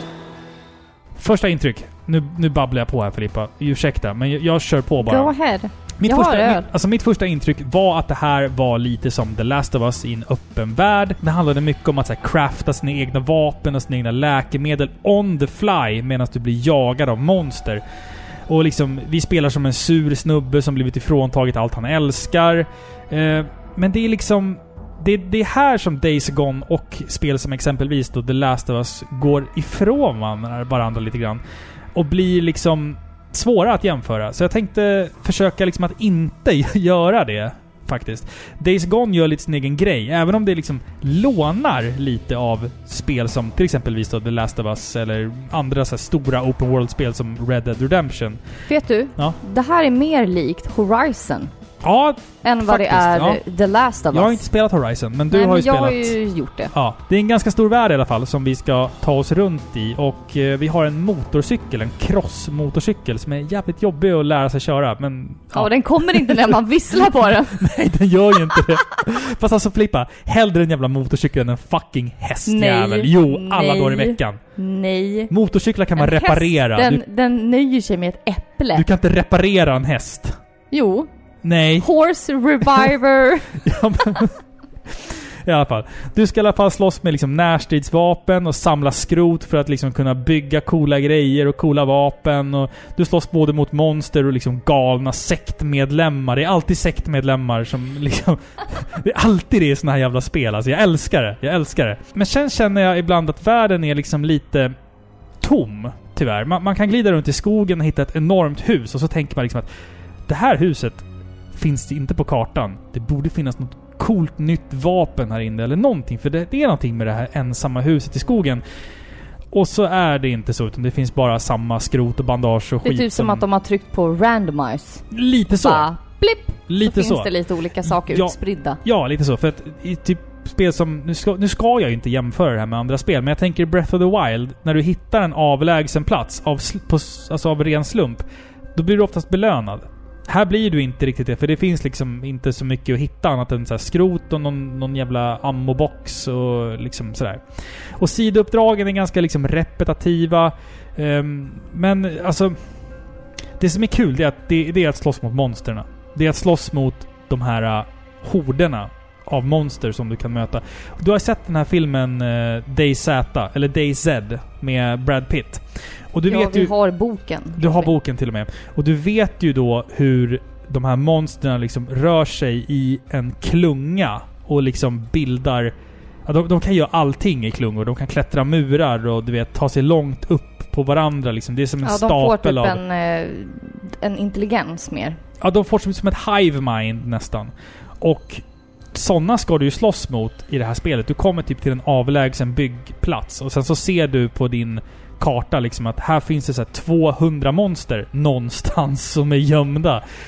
Och så går du in där, väl förberedd förhoppningsvis då med molotov cocktails, tunga automatvapen, Antidepressiva för ja. att hantera liksom ångesten. paniken som uppstår i ens psyke. Precis. Ja. Då måste du då liksom... Jag måste förklara det här för det, det, alltså det är mycket, mycket mer strategi än vad man tror att ta sig an en sån här hord av typ 200 fiender. Smyg fram först och se vart de är. Planera din escape route därifrån. Sätt ut bomber och fällor längs vägen. Så bara, sen ska jag nog springa upp där och kasta en molotov ner där. Då borde gruppen skingra sig lite och några kommer springa runt mig. Då hoppar jag ner där och kastar en mina på dem där. Det är mycket sånt. Och det är där som jag tycker att det här spelet har en enorm charm. Det här med crowd control. Att det är svinroligt och extremt svårt tyckte jag Och ta mig an de här horderna. Jag vet inte hur många jag tog. Jag tror jag tog kanske sex eller sju stycken av totalt, jag vet inte om det är 40 eller 50 av såna här olika horder. Vissa är eh, story, att du måste eh, besegra vissa av de här för att ta dig vidare i storyn och andra är liksom helt optional liksom att ta sig igenom då. Men det är skitkul och det är jävligt svårt. Eh, handlingen är ju... Den är, den är halvtunn. Meh. Alltså jag, jag kan ändå så här, jag, jag investerar ändå eh, mycket av mitt eget väsen i vår huvudkaraktär. För jag tycker om honom. Du gillar inte honom för att du tycker att han har en störig röst. Men jag, jag gillar ändå honom för att jag har ju liksom följt med honom från de första metrarna på motorcykeln genom hela sagan. Och jag, jag liksom känner sympati för honom. Jag kan relatera till honom. Han saknar sin, sin fru som kanske lever. någon- Sarah! men jag tycker att det är ett fint spel. Det gör inte saker... Det, det är inte världsbäst på någonting egentligen, det här spelet. Men det får till... Det, det, är- den lyckas liksom åstadkomma det som den försöker att göra. Sen AI är jättedum. Alltså jag har sett jättemycket konstiga AI-grejer som jag... Alltså fiender som stannar och liksom står och tittar på mig bara en meter ifrån mig utan att göra någonting. Så, sådana så små saker. Men det, det är skitsamma för att jag hade kul att åka runt med min motorcykel och Eh, liksom döda horder och liksom utforska världen och sådär. Och storyn är, nu när jag tar upp det, nu när jag kommer att tänka på det, så handlingen är rätt cool i slutet ändå liksom. För då handlar det Jag ska inte spoila någonting. Jag ska inte spoila någonting. Men oftast i såna här zombie-spel och zombie-serier och zombiefilmer så handlar det oftast om att det inte i slutändan är zombierna eller monstren som är den stora faran om vi säger så. Utan det handlar ju mer om vad människor gör mot varandra. Och det är ju liksom... Det är ju så i det här spelet också, mer eller mindre. Man kan typ tolka den här genren survival horror som att det är inte bara monstren man kämpar mot. Nej, exakt. Utan det man överlever ju liksom bland och med andra människor. Ja, exakt, exakt. Och det här spelet har ju också fått en hel del tunga patchar som liksom har lagat många av de här uh, hålen som har funnits i det. Så jag tycker att liksom, gillar man typ filmer som typ I am Legend eller DayZ och gillar zombiespel generellt, även om trenden lite är död, hittar du det här i reabacken för alltså 250 spänn, plocka upp det. Alltså för att det är kul och det, det är liksom det, det är många timmars liksom bra spel tycker jag. Kul att du gillar min present Robin. Ja men jag gjorde verkligen det. Alltså jag trodde faktiskt inte det, helt ärligt. Jag trodde, jag trodde det skulle vara skit. Men det var fan mycket, mycket bättre. Jag skulle fan ändå, om, om man liksom ska sätta en här betyg så till 10, så skulle jag ändå ge den så här 7,2 tror jag. Ja. Efter alla Ja. patchar och allting. Om man ska se till helhetsupplevelsen liksom. Ja, alltså jag tycker ju att det här spelet är... Man blir lite mållös, jag vet inte var jag ska börja. Nej men jag tycker att det är roligt först och främst att det är en open world. Ja, exakt. Det är inte lätt att skapa ett bra open world-spel. Nej, nej, nej. Risken med open world är att du får ett nej, halvdant spel liksom. Tråkig värld. Ett, liksom. En tråkig värld. Mm. Du måste liksom lyckas eh, skapa varierade och spännande miljöer vart du än går. Mm. Det är skitsvårt. Det är inte alla som lyckas med det. Jag menar, jag spelar många, många open world-spel. Eh, jag, jag tycker att det är kul att de har gjort det. Det är ju mer öppet än till exempel Last of Us. Ja, det är det absolut. Jag ser ju mer likheter med till exempel Horizon. Mm. Eh, Zero Dawn eller vad det hette. Ja. Dawn, Zero Horizon. Horizon Zero, jag vet Dawn, inte. Zero Horizon. Valfri slumpordning där. Ja. Eh, där du också har den här enorma världen och du måste planera varje Mm. fiende och hur du tar ner den. Exakt. Det är Exakt. liksom så strategiskt. Eh, och det såg jag likheter med i det här spelet också. Och det, det är svårt som du säger. Mm. Eh, men jag tycker att det här spelet har en del brister. Dels så är det otroligt dålig ansiktsanimation. Nej! Jo, Det tycker inte jag. det tycker jag. Inte på huvudkaraktärerna. Nej, jag tyckte inte att det var så bra. Jag hade problem Och- med texturerna som och- inte laddade korrekt Ja, alltid. det, men- ja, kanske det också. Men rösterna, de passar inte karaktärerna. Vi har den här protagonisten. Alltså han låter ju ibland som en korkad och lite förvirrad 50-årig man istället för en cool MC-snubbe liksom. Och ibland bara vrålar han till en annan NPC. Medan Mm. den pratar vanligt. Jag vet inte om det blev något fel Nej, då, det är när man han... sitter på motorcykeln. Jo, men den pratar ju vanligt till dig medan han bara pratar och bara skriker. Man bara, har han fått en hjärnblödning eller vad är det som händer? Nej, jag tycker att han verkade liksom... Han var inte så cool liksom som jag hade föreställt mig att han skulle vara. Han, right, ja. han känns som en dement eh, man som Ja. ränner runt där. Ja, men alltså det, Men eh, ja. jag måste ändå säga att det är vad jag har sett, jag har, jag har inte spelat det här själv nu, men jag har sett ganska mycket. Det, det verkar vara ett bra spel i övrigt. Det släpptes fel tajmat. Det måste Absolut. man ju säga. Ja, Sånt där väger verkligen in. Exakt. Andras recensioner och vad, vad de jämför med just då. Mm. Men, ja, ett halvdant bra spel med ändå bra spelmekanik. Ja. Eller hur? Det spelas ju bra. Ja, det var, det var, det var kul. det Alltså, var väldigt jag, roligt. Jag hade roligt precis. Men ointressant handling och miljöer. det. det. Finns liksom så saker i handlingen som jag tänker så här, bara, det här hade jag nog gjort lite mer annorlunda. Och sen märker man att det finns så här saker i det här spelet som man tänker så här, oj, det här har jag aldrig sett i ett open world förut. Nej. Och då tänker man så här, det här kunde de liksom gjort bättre. Ja, Alltså, alltså de tog en stor risk. absolut. Så kan man säga. Days Gone 2, som jag tror säkert lär dyka upp någon gång, eh, misstänker jag, kommer säkert inte att lida av samma bebissjukdomar som det här Nej. hade. Liksom, Nej. det här är första stapplande steg för Ja. den här spelserien. Alltså jag tycker ändå att det, det var ett bra försök. Det, Absolut, absolut. Verkligen. Tappert. Kul att du gillade. Jag gillar det jättemycket. Eh, vi har fått ett mail Filippa. Det, det är en fråga här som är riktad till både dig och mig. Och nej. Det är från Grillkirre. Chipset! Grillkirre på Instagram skriver så här. Hej Robin och Filippa. Har undrat över era tatueringar. Det blir väldigt personlig fråga det här. Ooh. Har ni några spel, film, musik relaterade tatueringar? Om inte så får ni gärna prata ändå om det ni har. Filippa verkar ha en cool bläckfisk. Ska, vi, ska vi ta lite ego-tid här och prata om, våra, om våra tatueringar? Börjar du? Börjar du? Eh, jag har en eh, gravsten med ett födelsedatum. Eh, sen har jag Ditt ditt- eget. Ja, mitt eget. Eh, Ja. Sen så har jag ditt namn. Jag är kronan på verket på hans skräckarm. Precis. Kul va? Jag, jag har en, en skräcktema-arm här med lite Och zombies och... Frugans namn. Ja, precis. Jag, jag har en... eh, vad fan har jag? Jag har en zombie som äter ett hjärta. Jag har en gravsten. Jag har ditt namn, passande nog där. Jag har en eh, lite så här Lolita-liknande Pupp, vad är det här? Pinuppa. pinuppa eh, som ligger i en Puppa. kista som är öppen. Med, Och åmar sig. Åmar sig ja, verkligen. Eh, sen har jag på min arm så har jag en eh, korp med en nyckel i näbben. Och sen så har jag en eh, typ stor så här, reaper på eh, armen. Och sen så har jag runskrift över mina bröst. Ooh, fancy. Ja. Vi kan börja med Mm. dina, börja, börja med dina dåliga Filippa. Du har ju några dåliga tatueringar. Jag har några dåliga också. Börja med dem, Ja, börja med dem. Jag, jag har en skrift på min vänst, mitt vänstra ben. Det är lite, lite lyx. Lyxfällan-varning Ja, på jag den var tatueringen. 15 år. Och vad har du skrivit då? Memento mori. Det, det, det grekiska betyder typ så här, typ så här, ha, ha en bra helg. Typ. Ja, oh, bra helg. typ, ja. Jo, not so proud. Så här, Ja, men den, den är snart så så pass... wor- Word-font. Den är snart så pass sudd att man inte kan läsa den i alla fall. Ja, det, det är bara något kludd. Jag kan lika gärna säga att det står något annat. Ja, liksom. precis. Någonting på grekiska. Ja, ja typ.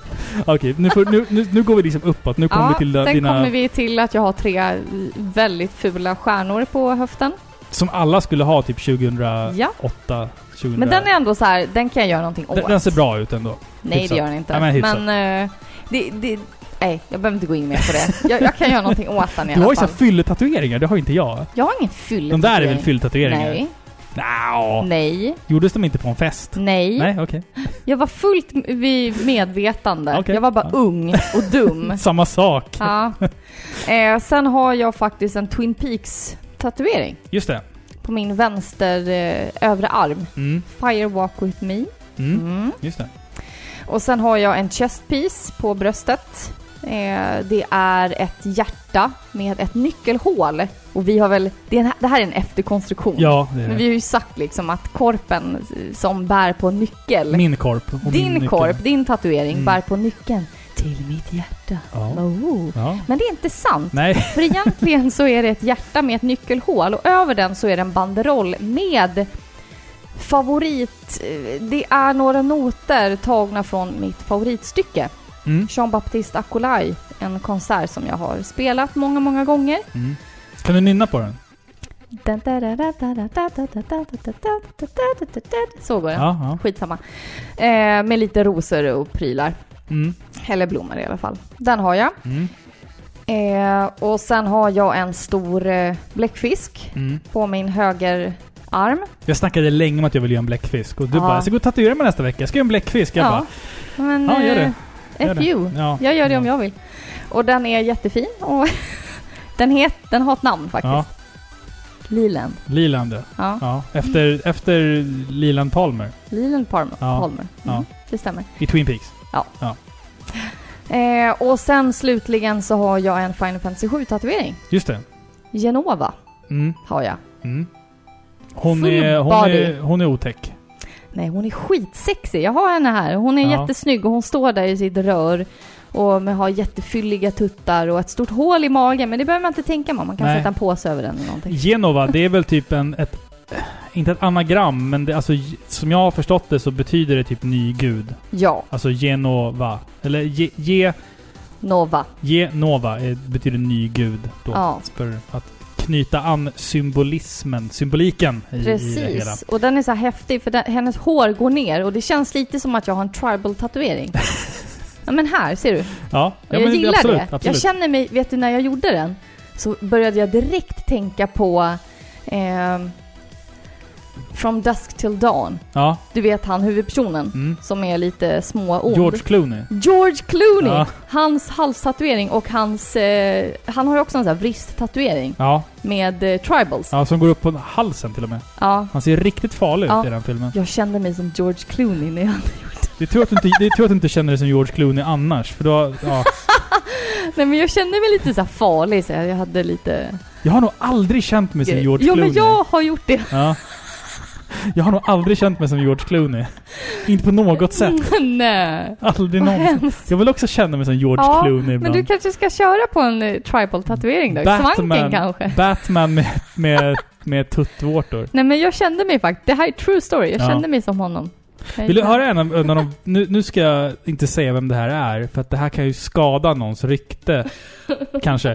Men den värsta tatueringen jag har sett, det var en person, jag ska inte säga hur jag känner den här personen, men Var det ett ex? nej. Hen hade tatuerat Nu är du glad för hen va? Nu är jag glad att jag kan använda pronounet hen, ja. Hen hade tatuerat sina barns namn i svanken på sig själv. Jag kan ju säga att hen är en kvinna då. Det, då, då blir det liksom lite mer förståeligt.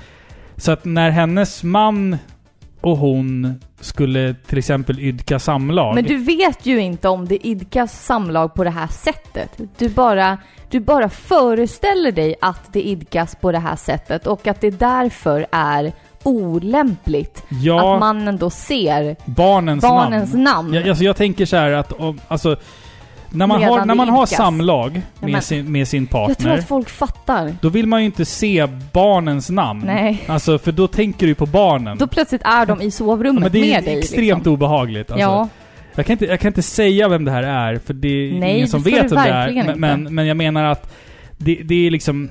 Det är en fin tatuering. Den är välgjord och sådär, men jag, jag, jag tycker att den är kanske lite märkligt jag placerad. undrar ju varför man väljer att placera den där. Man Jo. ser den ju inte. Nej, men jag menar liksom... Det finns ju bara en som ser den. Ja, och det är personen som står Ja. bakom henne Ja. då under, under diverse olika akter. Men det är typ såhär, Liksom. tänk dig för annars blir det ett till namn. Ja. ja, det är på, Ja. dra, dra ut i tid. Nej, Nu vart Bättre det, än kondom. Nej, nu vart det verkligen PG... PG... eh, 18. 18 här. Ja. Filippa, Mm. varför är bladlöss så små? De har stannat i växten. Nej! Den var bra! Tack. Den gillade jag. Ja. Vi har ett spel kvar att prata om Woho! Jag är denna... kissnödig. Ja, du, vill du gå och kissa först eller? Nej, Okej. kör. Eh, vi har spelat Catherine Full Body ifrån 2019, utvecklat av studion som heter Studio Zero. Och det, det är lite kul för att i det här avsnittet av Paripixlar så har vi pratat om eh, Final Fantasy 8 och eh, Catherine och liksom det, det är ju spel som vi liksom har gjort så här, hela avsnitt om tidigare. Och nu får vi liksom göra om dem. Exakt. Så att Final Fantasy, Final Fantasy liksom. 8 minns jag inte vilket avsnitt det var, men Catherine, Paripixlars, Paripixlars avsnitt om Catherine är ju liksom avsnitt två av Paripixlar. Ja. Det är, eller avsnitt tre kanske till och Ja, med. två. Två, till och med. Så att nu har man liksom eh, gjort en... Man har, man har Revisited. revisited version av det här spelet. Man har lagt till lite saker och ändrat lite saker och flyttat det till current gen consoles. För er som inte har en aning om vad Catherine är för någonting så är det ett pusselspel. Men även på något märkligt sätt en interaktiv eh, dating-simulator i anime-stil. Ja, det är typ. väldigt konstigt. Det är i alla fall en ny upphottad version av eh, originalet som heter Catherine som släpptes till förra generationens konsoler. Vi spelar som karaktären Vincent, en man i 30-årsåldern som befinner sig i en enorm livskris. Catherine, Vincents flickvän sedan många år, vill liksom förankra sig med giftermål, barn och ett framtida familjeliv. Vincent själv vet inte riktigt vad han vill. Han hänger mest med sina vänner på den lokala baren där de allihopa konsumerar stora mängder alkohol och samtidigt försöker liksom reda ut meningen med sina liv. Men en natt slås Vincent av en märklig mardröm där han på olika block klättrar uppåt mot ett okänt slutmål. Någonting jagar honom och när han sen vaknar från sina mardrömmar så finner han en främmande kvinna vid sin sida. En blond och jäkligt snygg eh, och eh, alltför vild kvinna som Vincent inte har någon aning om vem hon är. Och här inleds då ett fullkomligt galet triangeldrama som bjuder på både skratt, gråt och en hel del ångest. Okay, I cheated on Catherine. This is bad.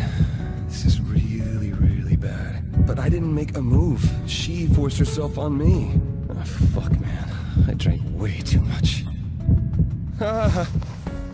Men vad skiljer då den här versionen från originalet?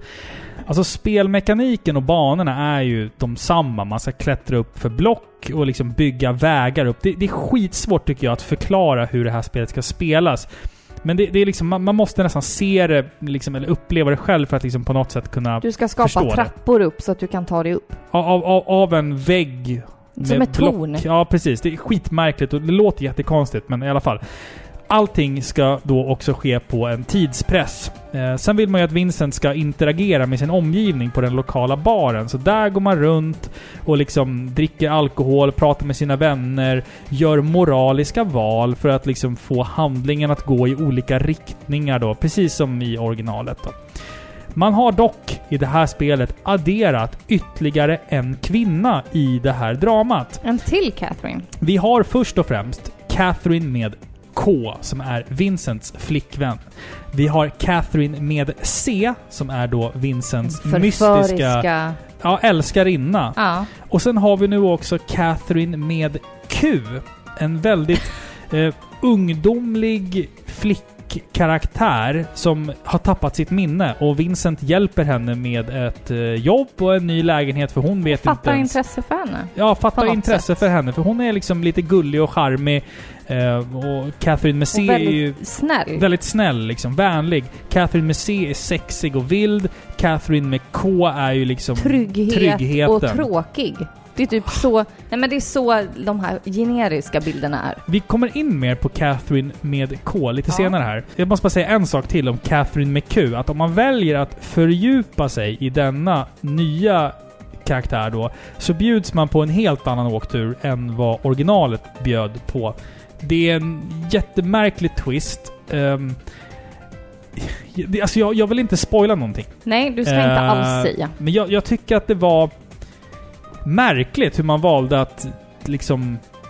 Hur man valde att hantera det här på något sätt. Jag tycker att har man spelat Catherine eh, originalet så ska man spela det här och då följa Catherine med Q för att se vad det leder. För jag tyckte det blev jättemärkligt. Alltså jag vill inte spoila någonting, men det, jag vill så gärna spoila, men jag tänker inte göra det. Ehm, för att det blev jättemärkligt och det känns som att Japan är liksom lite efter på, på något sätt när det kommer till det här temat. Alltså, Kanske. jag vill Nej, inte spoila, men jag vill, jag, jag, vill, jag, vill göra ni som, jag vill göra er som lyssnar nyfikna på, på det här. För att det blir jättekonstigt bara.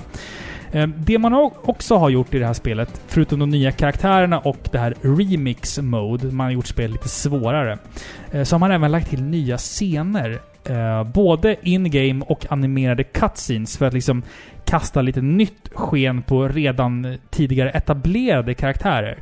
Vincents flickvän, som vi pratade om då, Catherine med K, för att förtydliga. Hon har ju varit som en ganska stel karaktär i originalet och jag förstår att många spelare liksom lutar åt Catherine med C. För att Catherine med K känns så jävla tråkig. Men hon har ju varit det som jag sa. Hon har varit trygghet och bekvämlighet. Precis. Men hon har varit tråkig. Exakt. Mm. Det kände jag också under första genomspelningen. Men i det här spelet så har man Ändå även... valde du henne då? Ja, det gjorde jag. För att För jag... att du inte vill göra mig arg. Nej, men alltså, jag, jag, jag känner att jag, jag vill göra det som är bäst för min karaktär. Min, min Vincent liksom. I den här nyutgåvan av Catherine så har man i alla fall fördjupat flickväns Catherine, hennes liksom bakgrund, så att man ska relatera lite mer till henne och Vincents relation.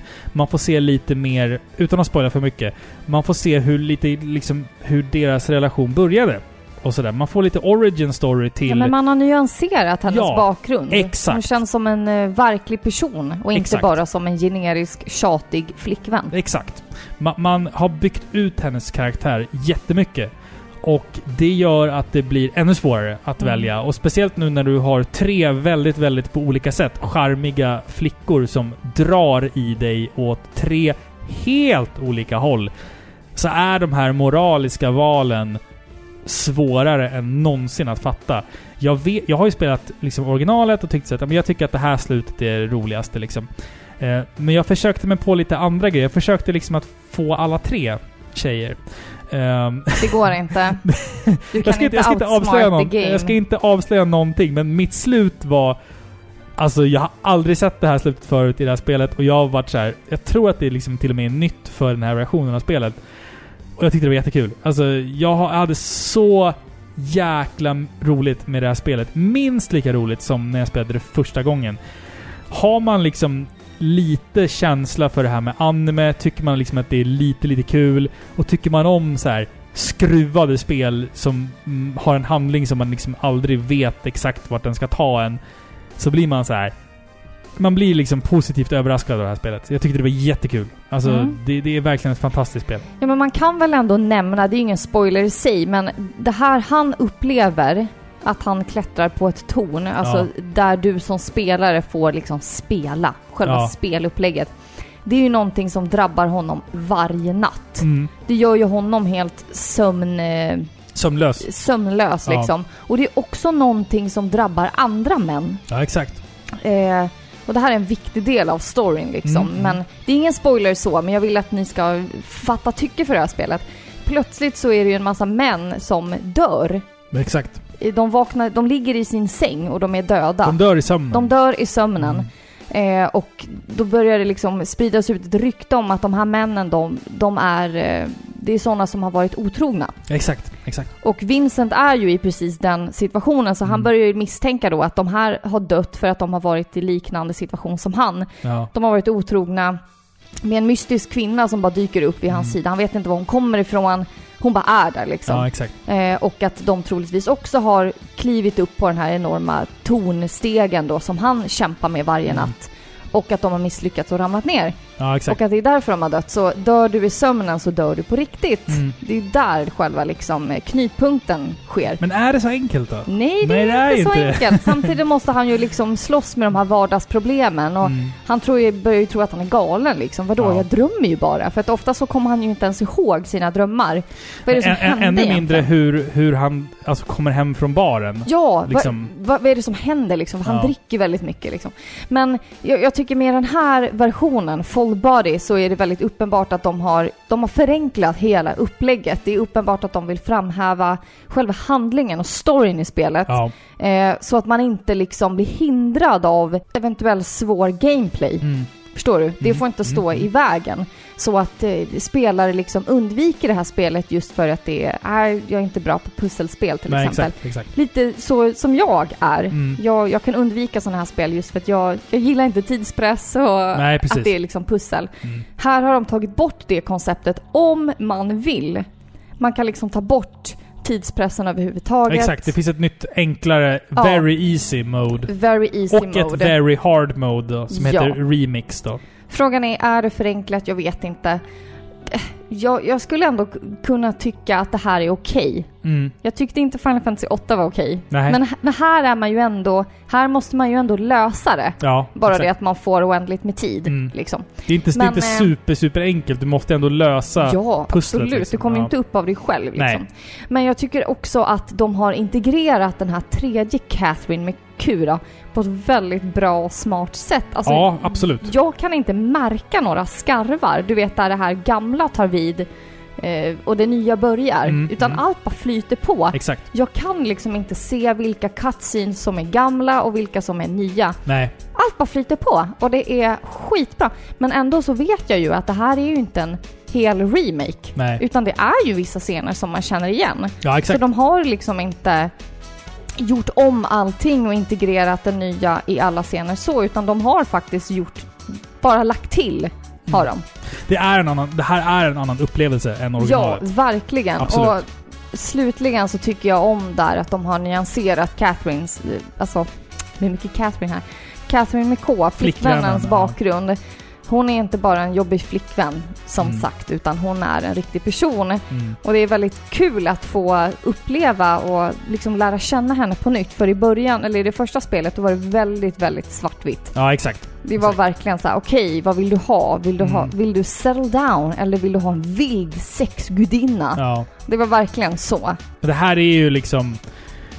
Ja, det, det, det, det Ja. blir mer nyanser. Liksom. Jo men just att man får se flashbacks från deras tidigare förhå- alltså från deras Mm. förhållande. När Mm. det började så blir man så här. då har man ju mer att förlora. Mm. Det är ju så man känner det. Och ja, men jag tycker att det är riktigt bra. Sen, sen kan jag tillägga att det är ju mycket mer naket i det här spelet än i originalet. De har, de har vässat gränserna. Eh, Är det nipples? Nej, det är det inte. Nej, vill jag inte säga. Utan, ut, ut, utan att spoila, men alltså det, det är mycket, mycket mer... Full frontal. Ja, sexuella... Som är typ en egen hashtag. Ja. Det, det, Nej, men- det, det är mer... Det är mycket, mycket mer anspelan på sex. Och det är... Alltså, helt ärligt. Catherine är ett svinbra och svinroligt spel. Ja, alltså, det är absolut. skitkul verkligen. Det, det, är alltså, det, det, är så, det är så jäkla unikt i typ allt det gör. Ehm, och nu pratar jag kanske liksom generellt om det här originalet. Alltså för att det har kommit... Det finns ju anime dating simulatorer och skit och det har funnits jättelänge. Men det här är ett sånt jävla skruvat och roligt och underhållande och knasigt och knäppt spel så att man får inte missa Catherine Full Body. Alltså det är... Jag, tycker, jag älskar det här alltså. Ja, alltså det är fantastiskt. Och jag uppskattar också att när du är i... Eh, när du är i vanliga världen om man Mm, säger så, mm. när, han, när Vincent sitter på baren med Ja. sina kompisar, så kan du ju ibland liksom höra ett, ett narrativ i bakgrunden. En, en person som talar till dig. Ja, just det. och som talar till dig, Ja. spelaren, inte till Vincent. Nej, det här till pågår dig. liksom inte i Vincents huvud, utan det här är till dig som sitter och spelar. Mm. Där han liksom typ påminner dig om att eh, ta en liten paus i spelandet. Ja. Och typ ibland så på, vill han liksom eh, ge lite drinktips. Ja, exakt. För du sitter ju faktiskt Jävla på en bisarrt. bar. Ja, bisarrt spel alltså. Så typ när Vincent ska beställa drinkar Sin fjärde rom och cola för Ja kvällen. men typ så Ja. bara, vad vill du ha? En rom och cola eller vill du ha en cosmopolitan? Då får man se så här lite trivia. Ja. Bara, trivia about, uh, uh, ja, cosmopolitan. Ja. Så bara räknar han då upp då lite olika ingredienser. Man, man, man, man blir jävligt törstig av att spela det här spelet. Ja, ja, Alltså, man vill bara dricka Ja, men sprit. typ. Jag kände också det. Jag bara, åh, det var länge sedan jag besökte en bar. Eller, Liksom. det skulle vara gott med en- Rökig salong. Det skulle vara gott med en iskall Cuba Libre nu Ja liksom. men typ. Nej men jag tycker det är kul. Det, det märks liksom att de har lagt krutet på att bara göra själva upplevelsen behaglig Ja, för spelaren. Absolut. Här ska du bara njuta. Du behöver knappt liksom spela spelet om du inte vill. Nej. Men som sagt, utmaningen finns ju även där. Mm. Alltså du måste ju ändå spela spelet. Du måste ju ändå ta dig upp från, för det här eh, fördömda tornet Mm. ändå. Eh, Mycket bibliska referenser. ja, i det här. Babels torn. det är bara men- bibliska men jag, referenser. men jag tänker så här att det är också metaforer för en... Alltså det här är ju liksom... Givetvis. Det här är ju meta... Alltså det här är ju mardröms... Eh, material. Ja, exakt. Folk som drömmer att de springer men inte kommer någonstans. Ja. Eller klättrar upp för en trappa som aldrig tar slut och Exakt. aldrig når målet. Mm. Det är därför de har byggt det här, för att han står inför en livskris och han upplever någonting övernaturligt. Exakt. Mm. Men alltså helvete, har ni, inte spelat, har ni inte spelat Catherine så gör det. Och är ni, är ni minsta intresserade, kolla på YouTube, få en bild av det så, och sen liksom köp skiten. För det, det är så jävla kul. Jag älskar Catherine. Ja. Alltså det är ett av mina favoritspel från, från PS3. Ja, men jag, vi gjorde ju en topp 10 PS3. Undrar om Catherine var med där någonstans? Jag tror... eh, det minns inte jag. Jag tror fan Catherine var med på min topp 10-lista PS3. För det, fan vad bra det är. Alltså, jäklar. Det är så sjukt bra. Verkligen. Ehm, det var Catherine det. Och det, Och det var det. väl- det var allt vi hade att bjuda på Och idag. nu orkar vi inte mer. Eh, jag tänkte avsluta med en låt, men innan det Filippa. Ja. Eh, fan, det var länge sedan vi var tillbaka i Paripixlar. Uh, Ja. Av lite olika anledningar. Jag, jag är ju... Jag är ju sjukskriven på halvtid. Så att jag har ju haft det lite kämpigt Ja. senaste Och, tiden. och sådär. livet. Livet liksom. hamnar emellan Ja, och ibland man har jobbar man heltid och Ja. försöker kämpa sig i, i, ja, i mål varje dag. i mål varje dag. Ja. Alla vet hur det är. Exakt. Och sen att sätta sig då och liksom prestera här. Nog för att du kan liksom eh, magi med ditt redigeringsprogram. Liksom. Man måste ju ändå vara vaken när man sitter här. ja, ja, visst. Nu är visst. klockan liksom så här halv elva en fredagkväll och man bara vill dö. Nej. Nej, men alltså... Nej, det är skitkul att göra podcast. Missförstå mig inte. Nej, det Så är det, kul. det är... Det är kul. Det är därför Det är vi gör det här. För att det är liksom, man, man, får, man får så mycket tillbaka av er som lyssnar. Så Ja, att det gör verkligen. att varenda liten minut som vi spenderar med att spela in det här känns så väl investerad. Ja, Eh, jag mår Verkligen. bra, jättebra av att göra det här och eh, det är därför lite... kommer vi fortsätta. Därför kommer vi fortsätta och det är lite min livlina i mörka stunder att tänka att liksom fan, vi ska göra en podd snart och det ska bli jättekul och det är folk som skriver att fan vad roliga ni är ibland och ibland tycker de att vi inte är så, ro, så roliga men skitsamma. Eh, Fint Robin. ja, jag uppskattar att ni lyssnar och det som vi uppskattar mest av allt är när ni faktiskt kommenterar på avsnitten eller mejlar oss på paripixlar gmail.com Mm. Vart hittar man avsnitten? Ja, vi har ju en hemsida nu. Mm. Paripixlar.se. Yes. Där kan du hitta avsnitten, du kan ladda ner dem, du kan även trycka på dem så spelas de upp. Det är bara liksom. stream och nedladdning, skitenkelt. Precis. Jätte, Men vi finns ju på iTunes, Acast, Podtail eller vad det hette. Mm. Och Videospelsklubben.se. Ja, vår huvudman från Ja. början. Precis. Videospelsklubben.se. Även Instagram och Facebook. ja, där Sök får bara ni på Parapixlar. jättegärna gå in och följa. Eh, för att det, det är väl typ på Instagram som vi är, och Facebook som vi är mest aktiva. Där får ni liksom en liten notis varje gång det kommer ett nytt avsnitt. Vi har en YouTube-kanal också där vi öppnar paket som vi får från lyssnare. Ehm, där kan ni gå in och titta lite, om ni vill. Ja. Tack så mycket för att du vill sitta här med mig en fredagkväll och sådär. Varsågod. Det var... Det, Nej. Ja, men du, du, du, ska också tacka mig, tycker jag. Ja, jag skojar. Jag Tack vet, ja. Robin. Ja. Tack. Vi ska avsluta med en liten låt. här. Jag tänkte vi kör en, en låt från Final Fantasy 8 för att vi liksom bara ytterligare vill trycka på att det är ett bra spel.